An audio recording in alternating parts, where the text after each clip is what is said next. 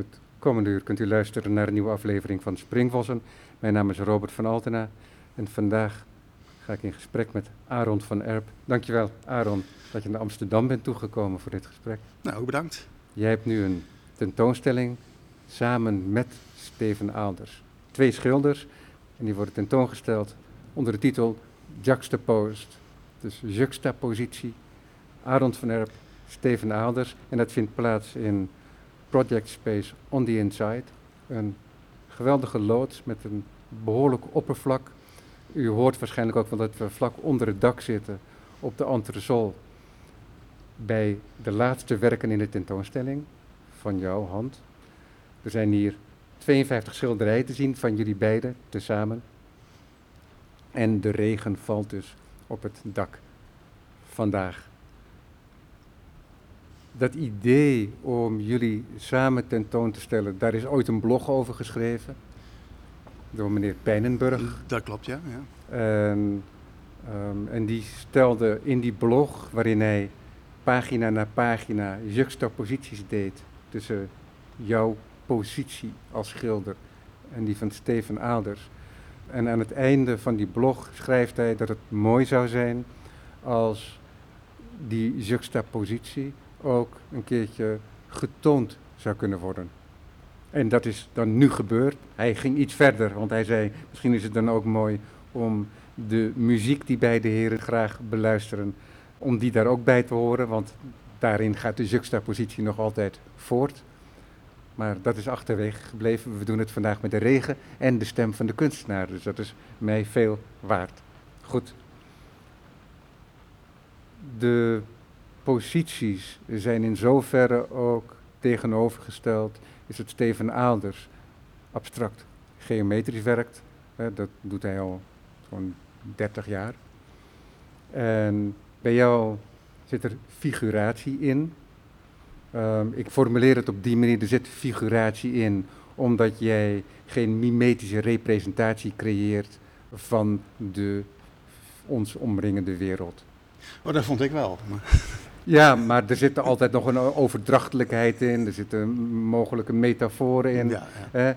in hele brede termen zou ik kunnen zeggen dat jij iets hebt in je werk wat ook in het werk van Velázquez is. En dat is namelijk dat zelden de geometrische ruimte wordt aangeduid. Ja, misschien met, met die interieurs, dat daar... Uh... Ja, maar ook hier met het, met het buitenwerk, weet je, je zou kunnen zeggen dat er iets van een horizon is, maar jij trekt geen horizon. je duidt hem aan met kleurpartijen. Ik begin vaak wel met een horizon. Of met dat, die, die verplaats ik dan wel vaak nog, ja. terwijl ik bezig ben. Maar ik begin vaak wel met een horizon, dat ik toch iets aan de ruimte heb om mee te beginnen. Als ik helemaal niks aan ruimte heb, dan verdwaal ik helemaal met waar ik de, de dingen moet neerzetten. En, en begin jij met een gedachte, een anekdote wellicht, of een gebeurtenis in je hoofd voordat je gaat schilderen? Meestal niet.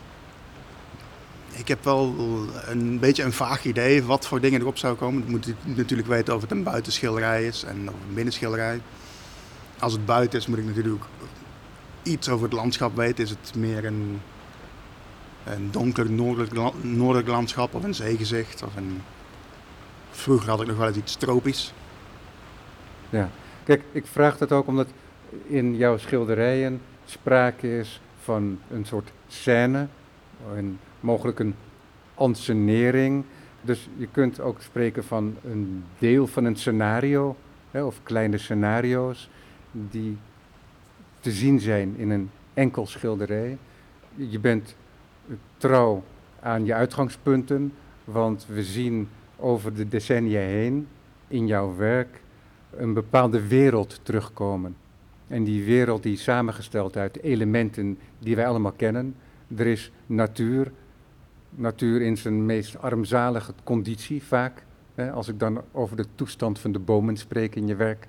Want dat zijn kale, armzalige, bladloze en vaak zelfs takloze staken. Ja, ik denk dat dit wel de, de groenste boom is die ik heb geschilderd hier bij het paard. Dat is wel de groenste, maar er zit inderdaad... Uh Ja, dat is een eh, schilderij, dat heet Tampaard met wilde Twix. Dat klopt, ja. Precies. En dat is dan de chocoladereep. Nou ja, chocolade. Maar de, de reep in Ja. ieder geval. Ja. En die titel, die zegt dan ook al wat. Hè, want we zitten nu bij drie werken. En die drie werken, die hangen in de volgende volgorde van links naar rechts. Een staand werk van een middenformaat, zeg maar. Laten we zeggen dat dat de romp van de mens reflecteert. Hè. Dan hebben mensen een beetje een idee van het formaat. En dat heet openluchtstilleven met olievat en lam gods. De tweede dus, tampaard met wilde Twix. Dat is een wat langer, bijna panoramisch formaat. En dat toont inderdaad een paard, een geblinddoekt paard. Dat is een vliegenmasker eigenlijk. Ah, ik, ik, ik had het wel ja. gegoogeld op een paard met blinddoek, Ja. maar toen dan kom je er, erachter dat het eigenlijk een vliegenmasker is. Ja, Als je dat, eh, ja. Ja, Heb ik wel eens gezien, inderdaad. Maar ik zeg ook geblinddoekt, omdat ik in jouw werk toch ook moet denken aan Goya, eh, desastres de la guerra en dergelijke. En executies zijn niet vreemd in jouw werk. Er staat hier ook naast een man die een einde maakt op rituele wijze aan zijn eigen leven, onder de titel Seppuku van een beschaamde pakketbezorger. En die man die heeft ook iets over zijn hoofd. Dat zou je dan door de nevenstelling ook een vliegenmasker kunnen noemen. Maar het zou ook zomaar inderdaad de, doek, de blinddoek kunnen zijn die wel eens omgedaan werd, wordt bij executies. Ja, of die zak die die eh, meneer op zijn hoofd heeft in Abu Ghraib. Inderdaad, Die Ja. staat ook op een, op een kraatje geloof ik. ja. Ja, ja, de associaties die dan hier zo links en rechts nonchalant worden geopperd, die zeggen heel, heel veel. Hè? Het is een beetje een samengesteld eh, fragmentarisch beeld wat mensen zich daaraan uit kunnen vormen. En dat vindt een eenheid in jouw werk. Jouw werk dat, nu heb ik gezegd, verhalend is en scenarisch, maar het is ook schilderkunstig. En deze werken en dat ook dat grote doek, de seppuku van een beschaamde pakketbezorger, die toont dat ook. Omdat met dit schilderij, meer dan in heel veel andere schilderijen, de kleurpartijen, die wellicht een dreigende achtergrond eh, boven de horizon eh, tonen, in, laten we zeggen, een soort somber turkoois, met een soort donkerblauw, wat daar achterop doemt, als een dreigende wolk zou je kunnen zeggen zelfs. Maar met kleurschakeringen, ja, die een Twombly niet vreemd zouden zijn. Als ik dat zo mag zeggen. Ik dacht niet aan Twombly. Nee, dat ik dacht, ik dacht ook niet dat jij dat dacht. Nee, maar nee. ik probeer mensen ook een, een beetje een handvat te geven. Luister naar onze woorden, waar wij het dan over hebben. Ik had eigenlijk het werk eerst zelf niet moeten zien. Dan had ik wel beter kunnen inschatten of het, eh, of de, het, het juiste beeld oproept wat je zegt. Oh, op die manier, Ja. ja. Maar het is wel, de laatste, het laatste jaar heb ik dat vaker dat ik een, een, een zo groot mogelijk deel van het doek eigenlijk bijna leeg laat.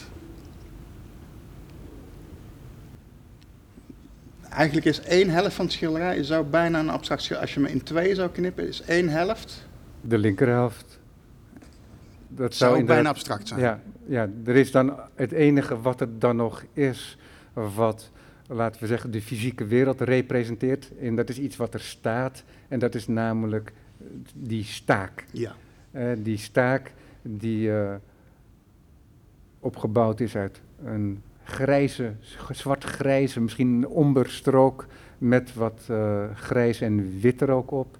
En ja, er lijkt bijna iets ook van een vlag aan te zitten die ook weer opgaat in die achtergrond bijna, maar er toch nog juist tegenaf tekent. Ja, die, die, hij is eerst langer geweest, die boom. Dat kun je denk ik ook nog wel zien. En toen heb ik daar inderdaad Ja. een, Ja, maar dat is sowieso mooi, gezet. want, Ja. want daar ben je ook heel vrij in.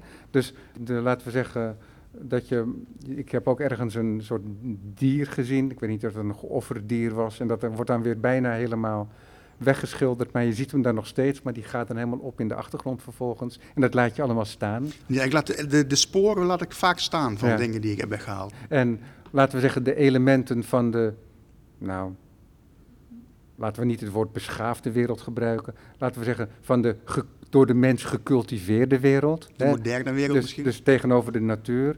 Die elementen, die breng jij vaak een beetje schematisch aan. Transparant bijna. Dat je alleen maar eventjes de omtreklijnen weergeeft. Zoals de krat waarop de man staat die seppuku pleegt. En ook tafels en dergelijke. Ehm, die, zijn in, die hebben dat schematische. Hè, dat ze als constructie eventjes aangegeven zijn. Maar vervolgens ook wel echt geschilderd. Maar je kijkt als het ware door die constructies heen naar de natuur. En die natuur die vreed kan zijn, maar de vreedheden die we eigenlijk terugvinden in jouw werk, die zijn allemaal van die gecultiveerde mens. Ja, meestal wel, ja. ja. En je hebt een groot plezier om verschillende zaken bij elkaar te brengen. Mens, sport, maar ook eh, het banale, het banale in de vorm van colaflessen, kikkelmanflesjes, daar dacht ik zelfs te ontwaren. Die heb ik een aantal, ja. Ja, ik weet niet en, hoe- hoeveel ik, ik daar ik hiervan heb. en hier dan bijvoorbeeld een DHL-krat en inderdaad ook repen met wikkels. Ja. Jij zei net dat je geen scenario in je hoofd hebt als je aan zo'n schilderij begint. Waar begin je mee? En met het soort aangeven van de ruimte eigenlijk. En dat is dat een, in, in zo'n geval is dat vaak een, eerst iets van een horizon. Die ik dan achteraf heel erg van plaats kan veranderen. Dat, Is dat ontworpen of dat doe je echt in het schilderij, op het doek? eh, het gebeurt eigenlijk allemaal op het doek. En dat doe je nadat je de grondtoon hebt aangebracht op de gesso. Ja, je hebt deze twee staan niet nodig, omdat dat is doorzichtige gesso. Dus wat Ja, je ziet is eigenlijk de, ja, die andere ook, die, die twee links, ja. En dus wat je ziet is de kleur van het onbewerkte linnen. En bij de andere doe ik inderdaad een beetje acrylverf door de laatste laag gesso, zodat het... eh, Precies. En vervolgens begin je te schilderen ja. in olieverf. En dan? Want laten we dan over dat schilderij hebben, bijvoorbeeld, als uitgangspunt. Seppuku van een beschaamde pakketbezorger. En ik denk, ik weet dat nooit meer precies uit mijn hoofd hoe het proces gaat. En dat vergeet ik ook vrij snel. Maar dan vaak eh, begin ik ook met figuren. Maar heel, meestal blijven niet alle figuren die ik schilder ook staan. En zijn er dan voortekeningen of doe je alles echt met penseel? En Ik, ik doe alles direct. Ik heb niet echt de discipline om, eh, om het van tevoren te plannen. En je hebt dus ook geen scenario in je hoofd. Je creëert die wereld van jou, Ja. waarin ehm, ja, de culturele wereld van de mens. En daarmee wil ik zeggen, dus die wereld waarbij de mens helemaal controle heeft uitgeoefend, waardoor hij zijn eigen niche creëert voor zijn eigen habitat en gewoontes, die is achterwege. Dus we bevinden, zich, we bevinden ons eigenlijk een beetje, in analogie, in een soort wild west situatie. Een soort pioniersituatie. We hebben de natuur en we hebben wat signalen van de gecultiveerde wereld. En we hebben een natuur of in wintertoestand of in een post-apocalyptische toestand. Die was moeilijk. En, ehm, en wat geïsoleerde figuren. En als er meerdere figuren zijn, dan is dat meestal omdat er een of andere strafexercitie gaande is. Ja, het gaat meestal niet goed tussen de mensen. inderdaad, Ja. die, eh, als er meer dan eentje op staat. Wat is dat voor wereld eh, die jij schetst in je schilderijen? Oeh, dat is, een, dat is een moeilijke vraag. Maar daar denk je vast wel eens over na. Het is niet zo dat je dat alleen maar schildert en dat je daar afstand van neemt. Ja, het is misschien toch een, bijna een soort escapisme. Dat het er toch, toch ergens een fantasiewereld is. Als in een videogame waarin je ook in allerlei vreedheden terecht kunt raken. Ja, bijvoorbeeld. Ja, ik speel zelf geen videogames, maar Nee. dat, eh, zoiets zou je het kunnen, misschien kunnen zien. Mensen denken vaak wel dat ik veel videogames eh, speel als mijn werk zien. Oh, ik moet eerlijk komt. zeggen dat ik daar geen enkele gedachte aan gewijd had. Oké. Maar omdat jij nu zo zegt dat het misschien ook een vorm van escapisme is, dacht ik eraan. Ja, zou kunnen. ja. Je stelt het zelf voor. Ja. Maar dat is niet voldoende natuurlijk. Want het is niet zo dat je op een middag zo'n schilderij maakt en dan vervolgens weer een heel ander schilderij. Het is, nee, dat niet. Maar het dit, is een heel consequente wereld die je schetst. dat heeft ook, ook mee te maken dat één schilderij leidt tot het andere schilderij. Dus vandaar dat ik een beetje in dezelfde wereld, ik weet niet of je het een wereld zou, ja, ik denk wel een wereld, dat je daar dan in blijft. Ja, ja, want wat je nu zegt is heel interessant natuurlijk.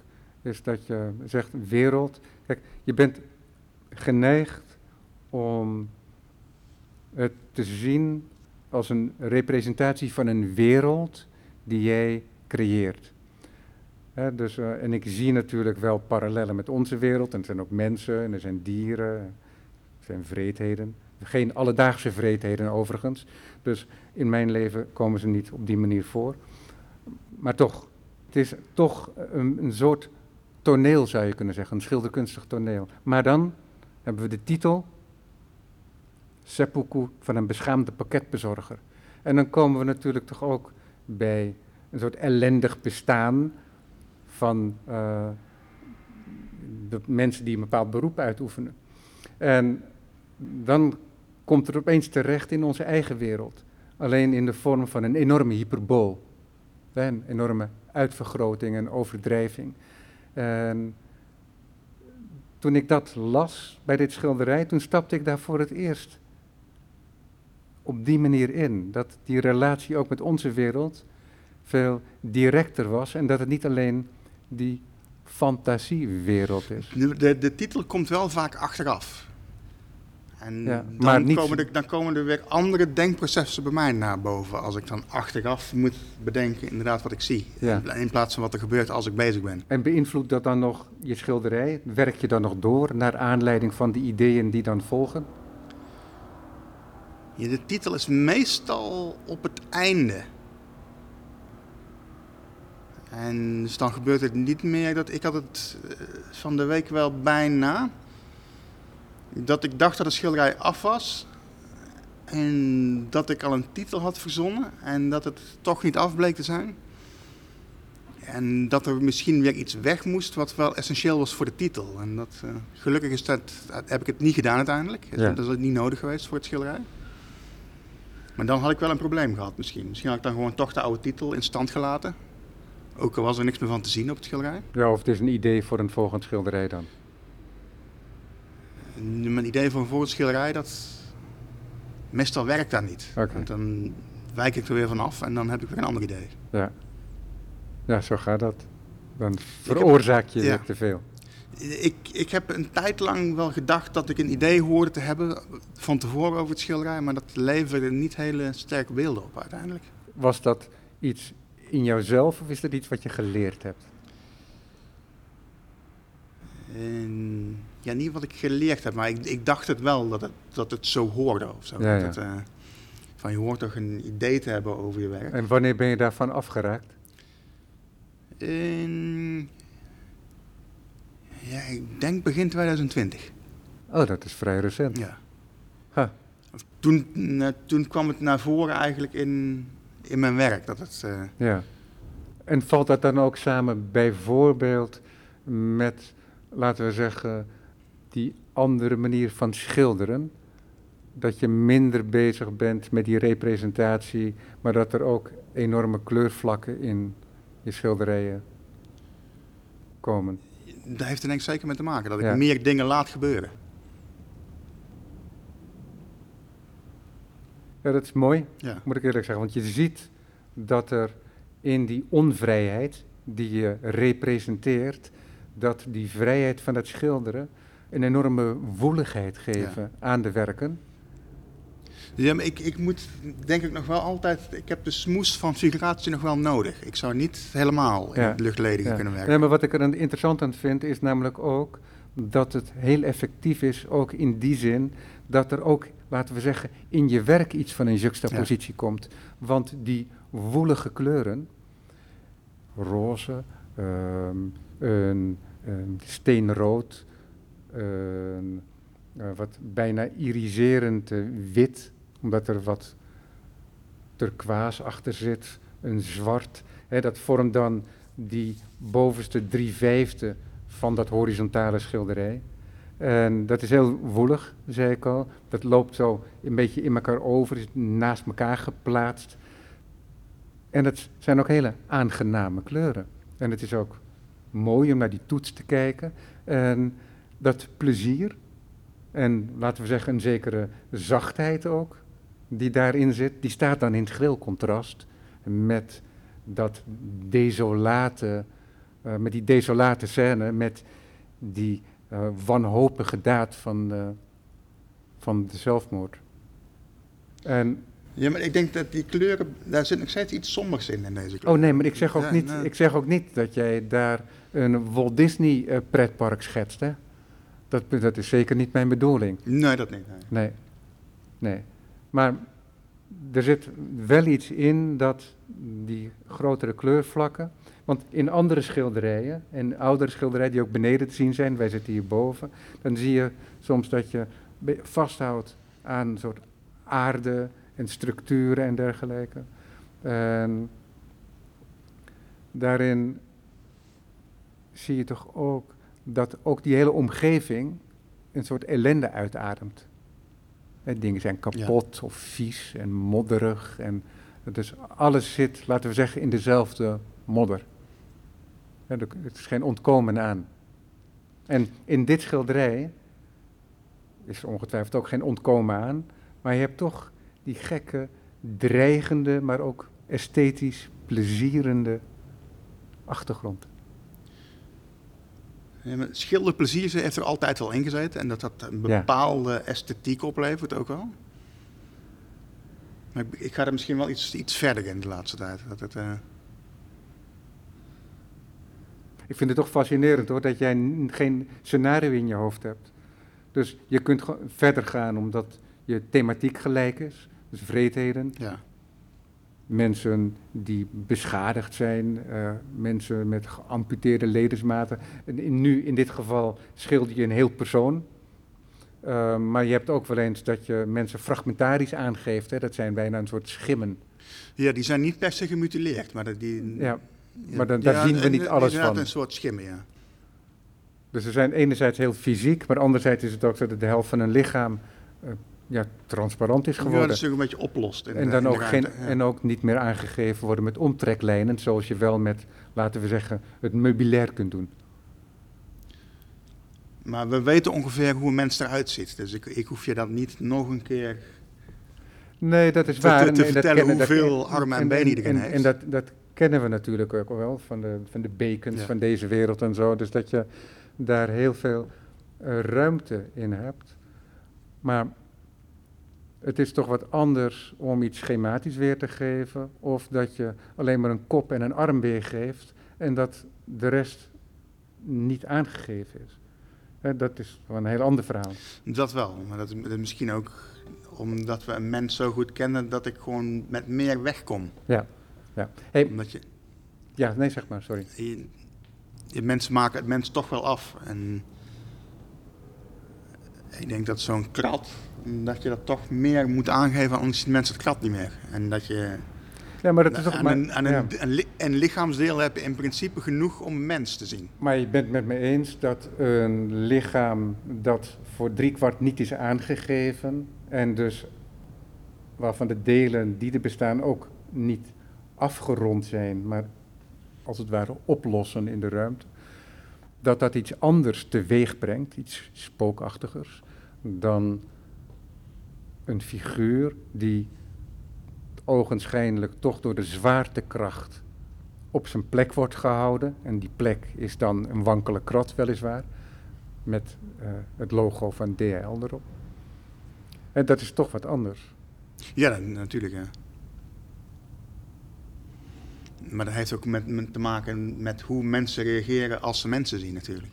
Maar is dan misschien, suggestie, het vrijere schilderkunstige gebaar, ehm, ehm, leidt dat ertoe dat de figuur dan meer neer wordt gezet?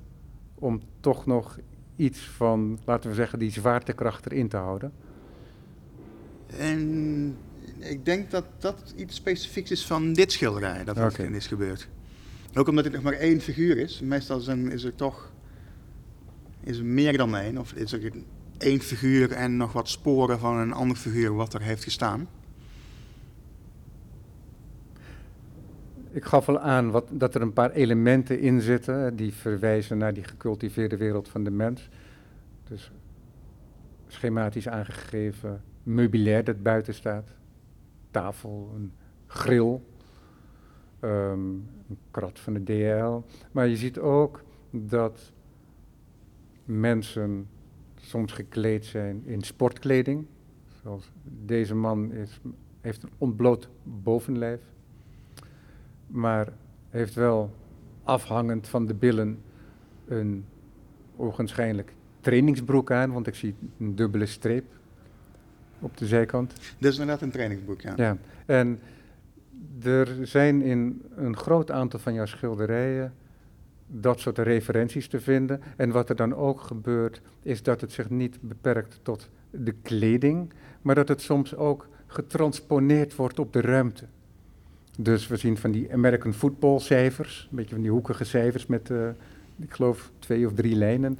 Ehm, en die zien we dan ook aangegeven in de ruimte, als het ware, waardoor die hele ruimte dat sportuniform krijgt. En dat zien we ook, dat je soms van die sportstrepen, die we geneigd zijn te lezen als sportstrepen, dat je die ook in de ruimte aangeeft, dus los van de personen.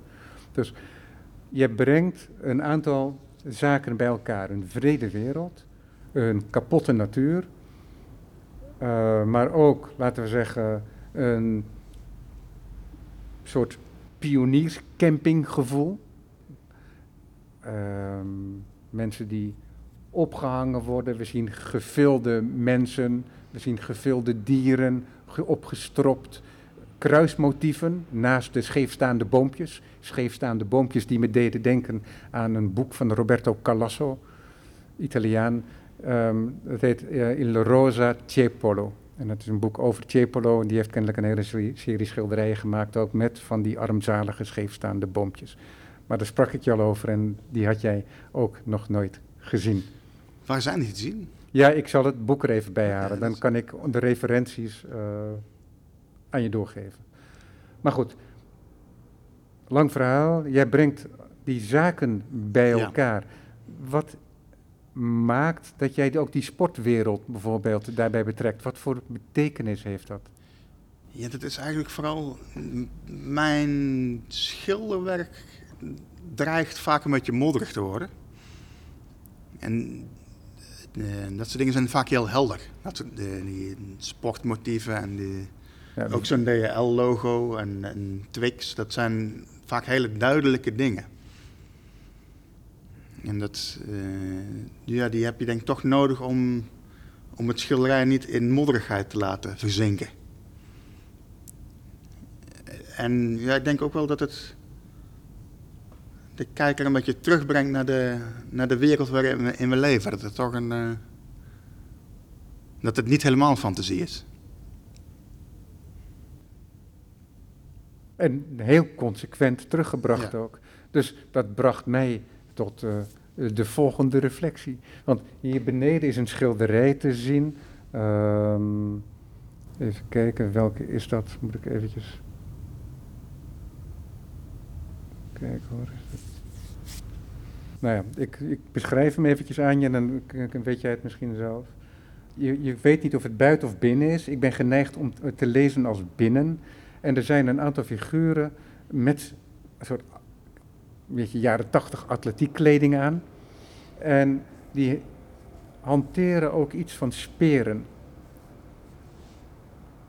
En er zit een heel duidelijke horizontaliteit in. waardoor je als je die figuren wegdenkt, zomaar zou kunnen denken aan een barscène van buiten gezien, dat schrijnende idyllische uh, van Hopper. Daar heb jij helemaal niet aan gedacht bij het schilderij, Nee. dat, snap, dat snap ik. Maar, maar die, groot, die grote band die aan het onderste deel van het schilderij is, die kan zomaar een soort bar aangeven. En, ehm, maar als je dan die figuren erin weer in kijkt, dan is dat ook zo dat er een rode stip op de borst zit van zo'n figuur met zo'n atletenpakje. Waardoor het ook een soort, waardoor hij zelf ook een Is soort dat niet schilderij wat... doelwit wordt. Nee, nee, want dat is echt beneden. Een groter schilderij is het dan dat. Maar ehm, wat nou interessant is, is dat die vreedheden die we zien, dus eh, mensen die op strafexercitie zijn, of mensen die zichzelf van alles aandoen, en dat je hier de sportman met, ehm, niet met zijn instrument, hè, want in het sport is het een instrument, namelijk zijn lans, hè, de javelin, dat wordt opeens weer de lans die het ooit was. Namelijk voor de jacht of voor de oorlog. Dus de sportfiguur die wordt opeens een bloeddorstig figuur. En dus dan, dat breng je dan samen. En ik dacht dus, ja, is dit dan een soort ehm, koppeling, weer een terugkoppeling, hè? want het is een, onze sport is vaak een gestileerde, georganiseerde vorm van geweld. Dus het oefening eigenlijk oorspronkelijk denk ik dat, dat, oorspronkelijk dat het sportoefening voor oorlog was. Ja, ja. Maar is dat zo waar je dan mee bezig bent als je dat op die manier terugbrengt? Die Eh, associatie? Nee, dat niet. Wat ik wel een tijd lang heb gedaan, ik weet niet of daar hier nog werken van te zien zijn, is dat ik vaak voetbalshirtjes deed.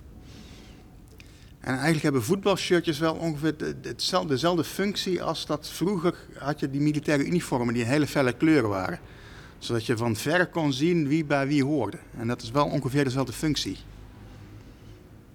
Dat heb ik wel vroeger gedaan. Dat, eh, ik weet niet of dat hier nog te zien is. Ja. Jij bent helemaal niet bezig dus met dat idee. Verder van dat idee van die sport in een, in een diepere zin. nee, dat maar dat, wel die dat het dat stile- gestileerde geweld is. Wel dat het iets is waar mensen tegenwoordig veel identiteit aan ontlenen. En dat is inderdaad je, je heel erg bij deze wereld trekt. Dat soort, eh, dat soort dingen. Ik vraag me toch af hè, in dit gesprek zo, of jij je dan niet wil uitspreken, of dat je dat echt zo, weet je, op een afstandje gebruikt als element, hè, zoals je het nu doet voorkomen. Ik denk dat het, hoe ik over dingen denk, dat het heel erg verschilt met welk moment je me treft. Dat het, eh, Vandaar dat ik het ik moeilijk vind om daar echt een harde uitspraak over te doen. Ja, nee, ik wil ook niet dat je, laten we zeggen, harde geometrische lijnen gaat trekken Nee, dat, om, eh, om je werk en waardoor het helemaal ingekaderd wordt. Dus dat wil ik ook niet. Maar het is natuurlijk interessant dat al die verschillende elementen er, erin zitten. En die worden ook uitvergroot. En jullie vergroten elkaars werk uit. Het werk van Steven Aalders en jouw werk. Want bij Steven Aalders gaat het om de harmonisering, soms ook van tegen elkaar boksende, dat is ook een vorm van geweld natuurlijk, kleuren. Dat, dat, dat gaat er flink tekeer soms ook in die schilderijen. Maar het rumoer van de alledaagse wereld is op een afstand geplaatst.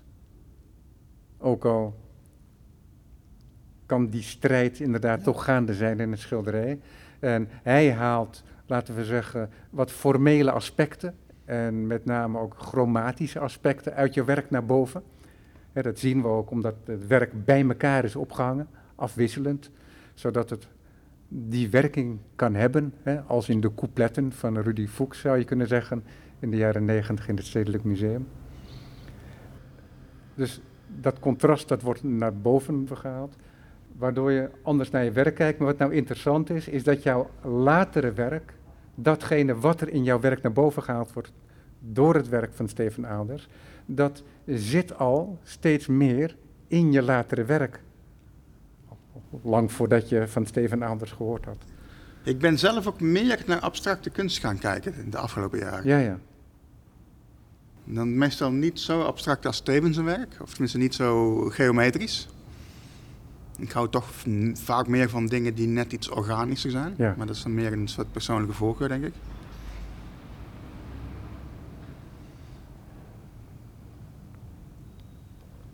Begrijp ik. Ja. Begrijp ik. Maar toch, je zegt, ja, het ene schilderij komt vooruit het andere. En dat was jouw antwoord op mijn vraag, wat voor wereld is dat? En wat doe je daarmee? En wat denk je daar zelf over? Maar je volhardt in die wereld. En we zien verplaatsingen, en die, maar die verplaatsingen die zijn voornamelijk schilderkunstig. Je ziet een ontwikkeling als schilder, ook al is het heel duidelijk dat een ouder werk en een jonger werk, dat past naadloos bij elkaar. In die zin, in de representatie van die wereld. Van Aaron van Erp. Dus die wereld is heel specifiek en het blijft die.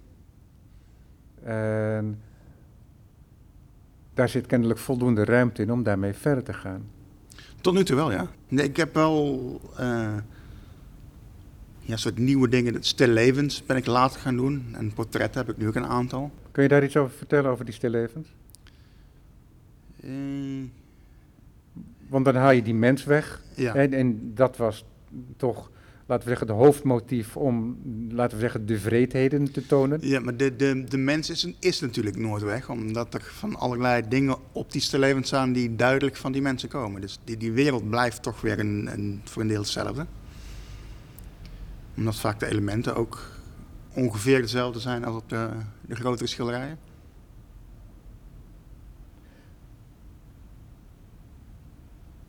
Oh, ik dacht dat je nog wat wilde Ja, zeggen. ik, eh, ik maak de hele tijd mijn gedachten niet af. Dat is, eh, Er is een schilderij, wat heel fascinerend is, van jouw hand, in deze tentoonstelling. En ik denk dat dat de volgende is. Nocturne met smeurende hond. Dat is een schilderij uit 2008, ja, klopt, ja. staand schilderij. Nee, dat is een... Liggend schilderij. Lig- nee, ja, nee, ik ja. verwar hem nu met een andere. Ja, een liggend schilderij.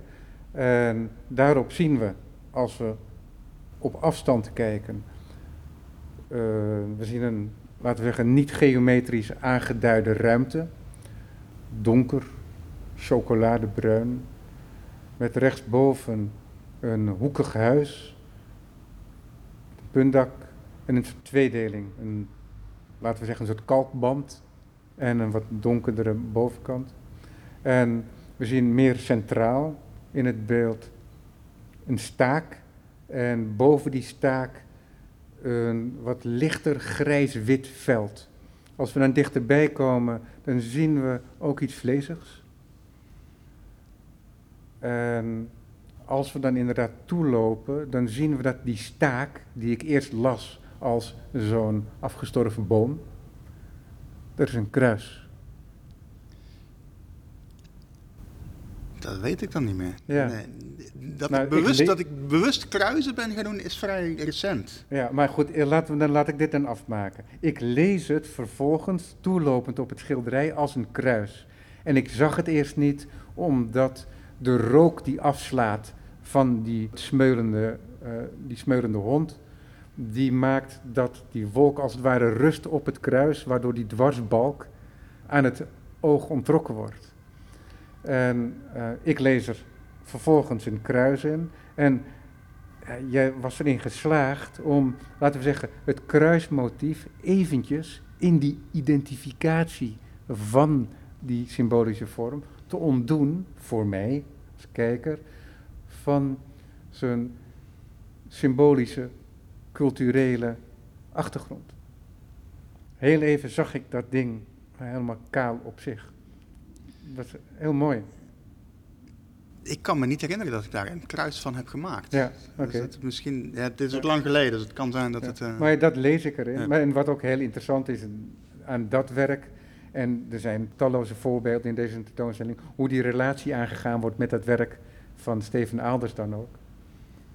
Omdat je Ik ga architectuur lezen in één schilderij van hem met witte achtergrond en zwarte lijnen eh, en dergelijke. En dus dat overspringen van die motieven, dus niet alleen in kleur wat ik eerder aangaf, is heel gelukkig. En dan is er ook nog één schilderij waar je veel vragen hebt over moeten beantwoorden tijdens de opening, weet ik, maar ik breng het toch op. En dat is een portret. Een portret van meneer Pijnenburg, degene die die juxtapositie een paar jaar geleden het voor het eerst voorstelde. Meneer Pijnenburg verzamelt werk van jou, Ja. dacht ik. Ja. En hij is daar aangegeven met jasje, colbert, stropdas en in zijn ondergoed verder. Of in ieder geval geen broek. Ja. En op dat schilderij zijn er twee schilderijtjes van Steven Ouders afgebeeld. Steven Ouders die je zelf niet kent op dat moment.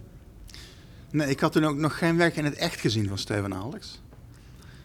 Dat portret dateert uit de tijd eh, van dat dat, die, dat blog is, is geschreven. Ja. En jij kreeg het boek onder de ogen, de vijfde lijn, en Ja. toen ben je dat ook gaan schilderen. En Henk Pijnenburg vroeg me om een portret en ik dacht, oh, Ja. Henk houdt van Steven Alex. Ja. Achteraf bleek hij nog geen werk van Steven Alex te hebben. Maar wat wel grappig is natuurlijk, is dat jij, die op dat moment niet eh, met een bijzondere liefde naar eh, abstracte kunst kijkt, dat dan wel opneemt in zo'n schilderij. En dat is, als ik deze tentoonstelling zie, waar als we dan de tentoonstelling in tweeën delen en jullie bij evenveel werk hangen, dat weet ik niet precies, maar dan zijn er toch 25 plus schilderijen van jou hier, waarin dat helemaal niet voorkomt.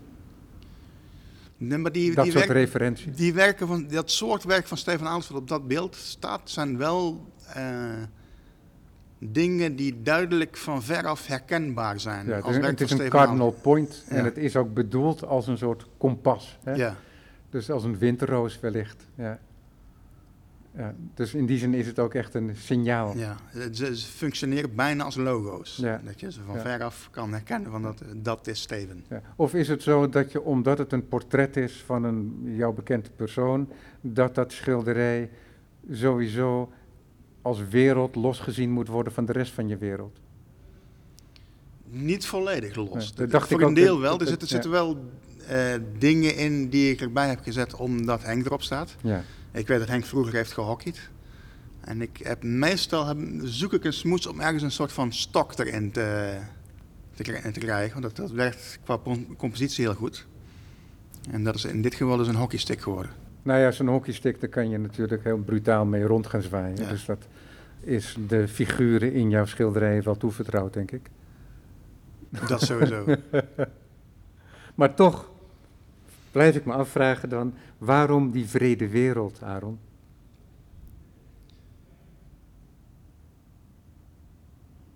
ja, dat is... Ik vind het een hele moeilijke vraag eigenlijk. En Mhm. ik, ik, ik vind het ook gek dat het zo'n moeilijke vraag is. Maar het is wel een moeilijke vraag. Ja, daar stap je kennelijk niet heel vaak uit. Nee. Je stelt jezelf die vraag nee maar ik zou ook wel kunnen zeggen van... Maar de wereld is ook zo vreed. Maar ik ben zelf in het dagelijks leven bijna naïef. Dat ik helemaal niet de, de mensen om me heen als slecht zie of zo. Ja, en je komt zelf ook niet over als een eh, kannibaal die zo meteen tekeer kan gaan. Nee, maar daar, daar moet je ook, ook verbergen zoiets. Hè. Dat moet je niet, eh daar moet je niet met de koop lopen. Is het dan meer een soort ontdekkingstocht in een wereld die jou onbekend is? Om er nog eventjes bij te blijven? En ja, dat zou kunnen. Dat sluit ook aan dat het, dat het toch een soort fantasiewereld is. Wel grappig hè, dat ik allerlei suggesties doe en jij antwoordt nooit affirmatief, nooit bevestigend. Je zegt altijd, ja, het zou kunnen.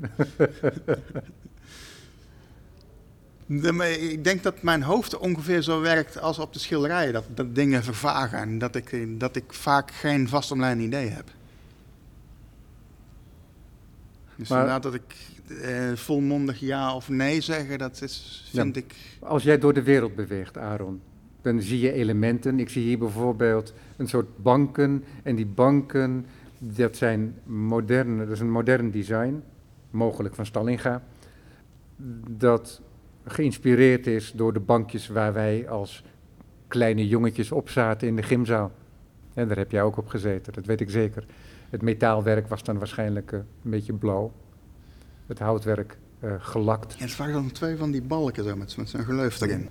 Als jij dan zoiets ziet, hè, als je dan door de wereld beweegt, betrek je dan dingen in je schilderijen?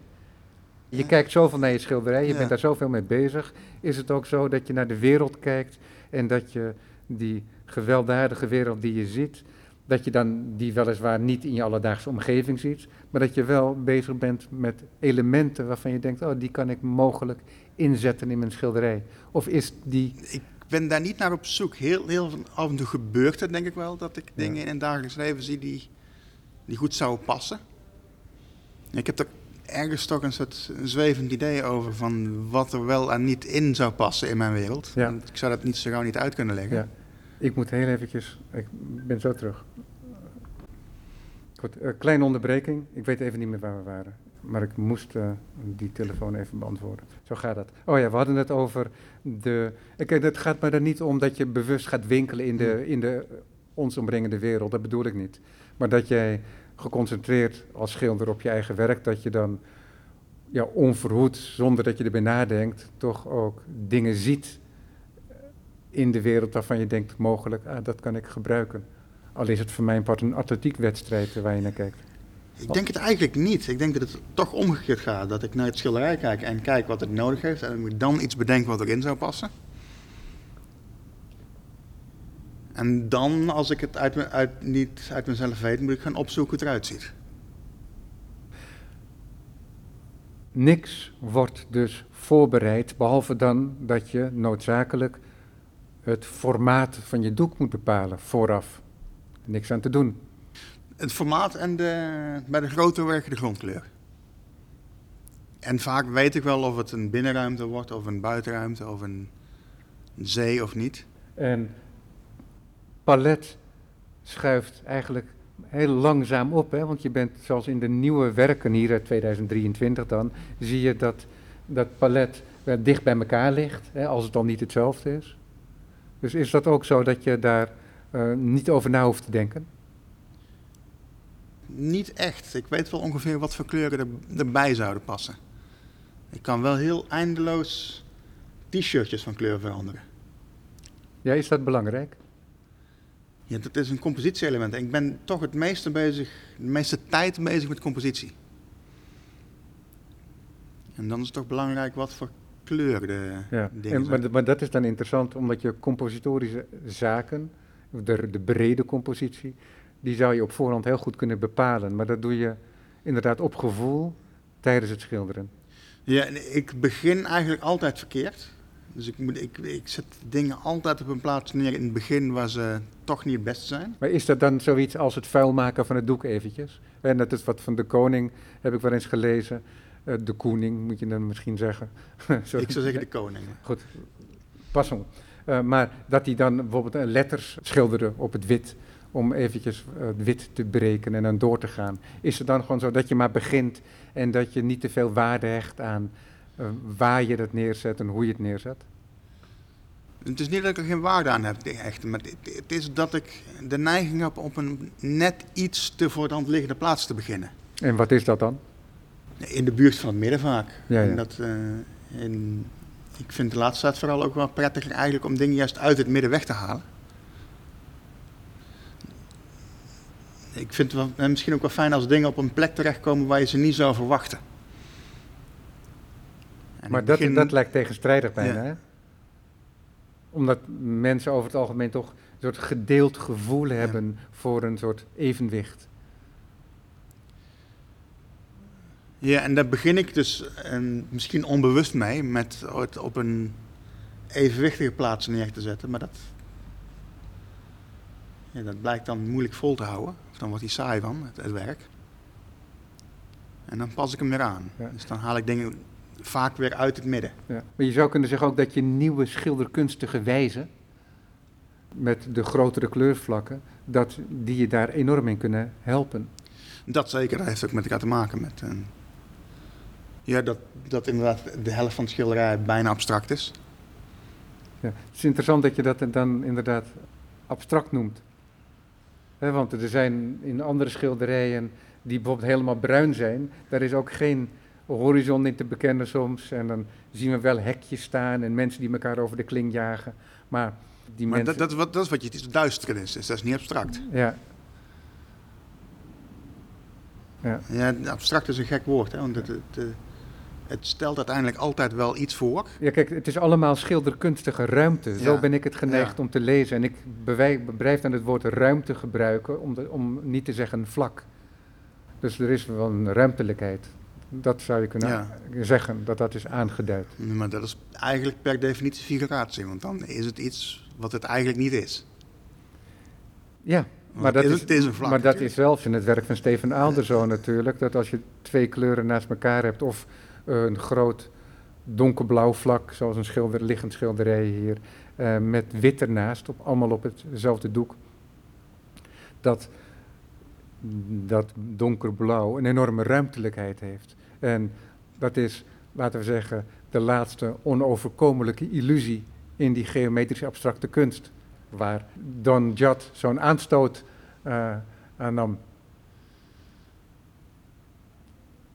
Ja, we blijven mensen. We, blij- we blijven dingen willen zien in dingen. Ja. ja, maar dat is ook, ehm, Steven zou zeggen, het fenomenologische aspect van die schilderkunst. Dat omarmt hij dan ook bijvoorbeeld, net zoals dat jij dat omarmt. En met dat nieuwe schilderkunstige gebaar in je schilderijen zou je kunnen zeggen dat dat dichter bij elkaar komt te liggen ook dan zelfs.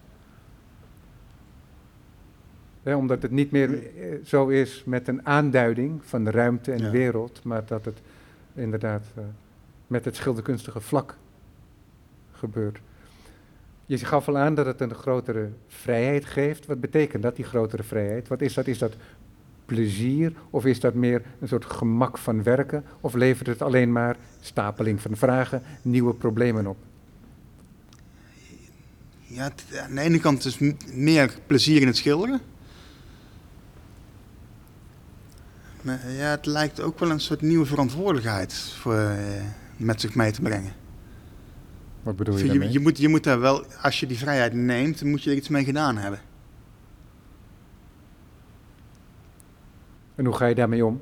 Met die verantwoordelijkheid?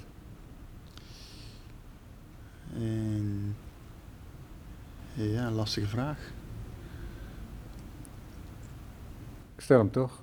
En ik herhaal hem nog maar Ja, ja. voor het gemak. Probeer het eens.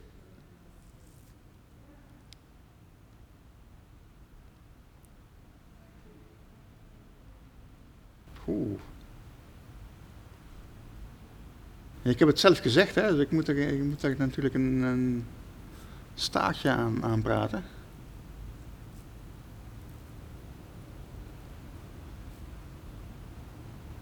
Is die verantwoordelijkheid om je te helpen, is die verantwoordelijkheid dan dat je een nieuwe wereld betrekt in je schilderkunst? Je zou kunnen zeggen, omdat je zelf de referentie naar abstracte kunst maakte, dat je die verworvenheden van abstractie, zoals Lucassen, de schilder, eh, dat laatst tegen me zei, dat je die betrekt op je eigen werk. En dat, dat je dan hebt over een schilderkunstige verantwoordelijkheid. En dat die wel gemotiveerd moet zijn. En dat je dat niet zomaar lukraak kunt toepassen. Is dat de verantwoordelijkheid waar je het over hebt? Ja, maar dat, zo, heb ik sowieso altijd wel gevoeld. En daarom heb ik nooit echt abstract werk kunnen maken, want het, ik, ik heb toch ergens een criterium nodig. Mhm. De- van wat wel en wat niet goed is. Ja, En dat is in, in volledig abstract werk is dat, is dat moeilijk vast te stellen. Ik zeg niet dat het niet kan, maar het is mij nog niet gelukt. Ik heb één keer geprobeerd abstract te werken en dat... ja. Nee, het, het hoeft ook niet, Nee. natuurlijk. Maar het is natuurlijk interessant om daar wel mee te spelen in je werk. Ik vind het een hele interessante ontwikkeling in je werk. Je voelt het enerzijds als vrijheid, maar anderzijds voel je het ook als een eh, verantwoordelijkheid. Dus het is een hele mooie Ja. combinatie, zou je kunnen zeggen. Ja, maar die horen denk ik sowieso met, bij elkaar, vrijheid en verantwoordelijkheid. Dat, eh, Ja, alles wat je doet heeft consequenties en die moet je aanvaarden. Mee eens. Aaron, we zijn aan het einde van het uur. Ik ga je nog een keer ondervragen hoor, hierover. om al die uh, non-affirmaties, om daar misschien toch nog een keertje wat achter te vinden. Maar ik dank je voor nu, voor dit gesprek. Nou, bedankt. Juxtaposed, Arend van Erp, Steven Aalders is nog tot 4 juni te zien bij On The Inside. Dank voor het luisteren.